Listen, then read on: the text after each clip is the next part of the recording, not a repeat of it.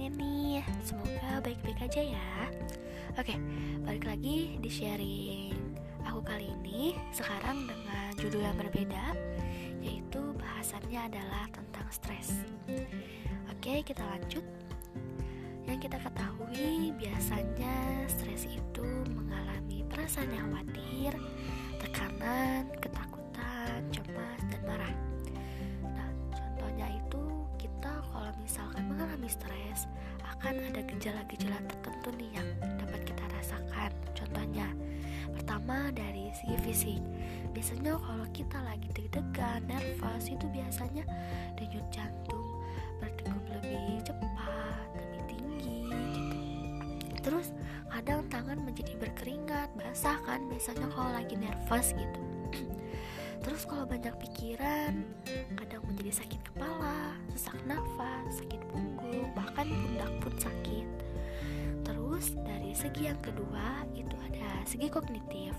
Biasanya pikiran jadi nggak konsen, kita jadi mudah cemas, sangat sulit untuk memproses informasi.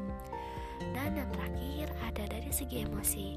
Nah ini itu biasanya kita lebih mudah marah gampang panik terus jadi suka nangis gitulah kayak sensitif gitu. Terus yang terakhir ada ketakutan. Nah stres itu sebabnya apa sih? Banyak banget. Nih stres itu bisa jadi disebabkan yang pertama dari lingkungan.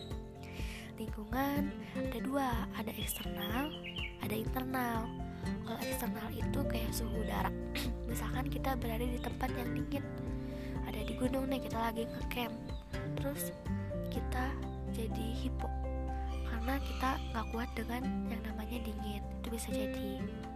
Terus mengalami tindakan yang kasar bisa jadi juga karena kehilangan pekerjaan. Lalu yang internalnya adalah gaya hidup. Terus kurang tidur dan kita yang terlalu perfeksionis. Nah yang kedua itu ada tuntutan dan sikap keluarga. Nah kayak gimana sih ini biasanya dialami oleh orang-orang yang usianya udah 25 tahun ke atas atau yang sudah memiliki pekerjaan atau bahkan yang baru lulus kuliah. Pasti kalau lagi ngumpul keluarga ditanya, kapan nikah? Kapan nikah? Kapan nikah? Pasti kayak gitu. Itu tuh yang membuat kita stres gitu. Kenapa sih gitu pertanyaannya itu lagi, itu lagi gitu. Oke, yang ketiga itu ada iptek. Nah, iptek ini itu emang berpengaruh juga karena bagi sekian orang gitu yang mengikuti perkembangan zaman dia tuh ingin selalu update. Ada yang selalu update karena menambah wawasan menambah ilmu ada juga yang selalu update karena dia nggak mau dibilang gaptek. Nah ini yang bakal membuat stres gitu kalau kita tidak mengikuti sekali perkembangan zaman keempat itu ada diri sendiri. Biasanya diri sendiri itu dari tuntutan kita terhadap keinginan yang ingin kita capai. Jadi banyak sekali yang ingin kita capai. Tuntutan itu banyak sekali. Jadi membuat kita stres tidak bisa mengimbangkan antara id ego dan super ego kita.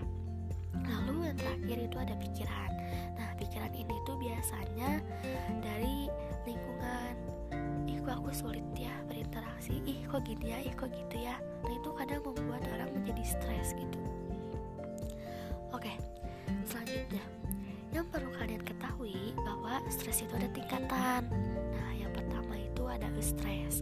Nah, stres ini itu stres yang positif, jadi sangat menguntungkan untuk kesehatan, bahkan bisa memotivasi dalam mencapai sesuatu.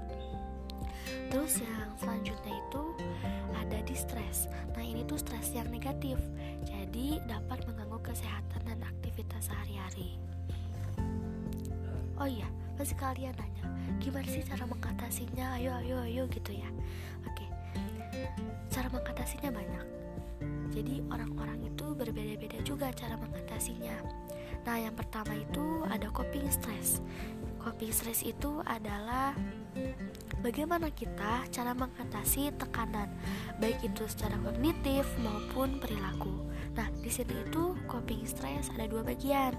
Yang pertama, berfokus pada masalah. Biasanya orang yang memakai strategi ini itu dia itu akan berpusat pada masalah di mana dia bakal cari dulu sumber masalahnya itu apa setelah itu dia menyelesaikan masalah itu sampai stres dia berkurang bahkan hilang. Nah ini itu biasanya orang yang menggunakan strategi ini dia mampu mengontrol masalah yang ada. Lalu coping stress yang kedua itu ada yang berfokus pada emosi. Nah biasanya strategi yang dipakai dengan cara emosi. Nah kayak emosi marah-marah aja gitu. Terus uh, lempar-lempar apa gitu. Nah biasanya orang yang menggunakan strategi ini dia tidak mampu mengontrol masalah yang ada. Nah jadi coping stress itu ya guys beda-beda. Ada yang cuma curhat aja. Untuk meluapkan emosinya dia tenang. Dia merasa oh ya udah tenang aku lega. Tapi ada juga curhat terus minta saran gitu. Beda-beda coping stress itu bahkan sampai ada yang dia lari ke obat-obatan beralkohol gitu. Orang itu pasti beda-beda tingkat coping stressnya oke uh, sekian aja ya sharing dari aku. Tunggu lagi di episode-episode yang berikutnya. Untuk kalian dengarkan kembali jangan lupa kalian sharing ke teman-teman kalian dan semoga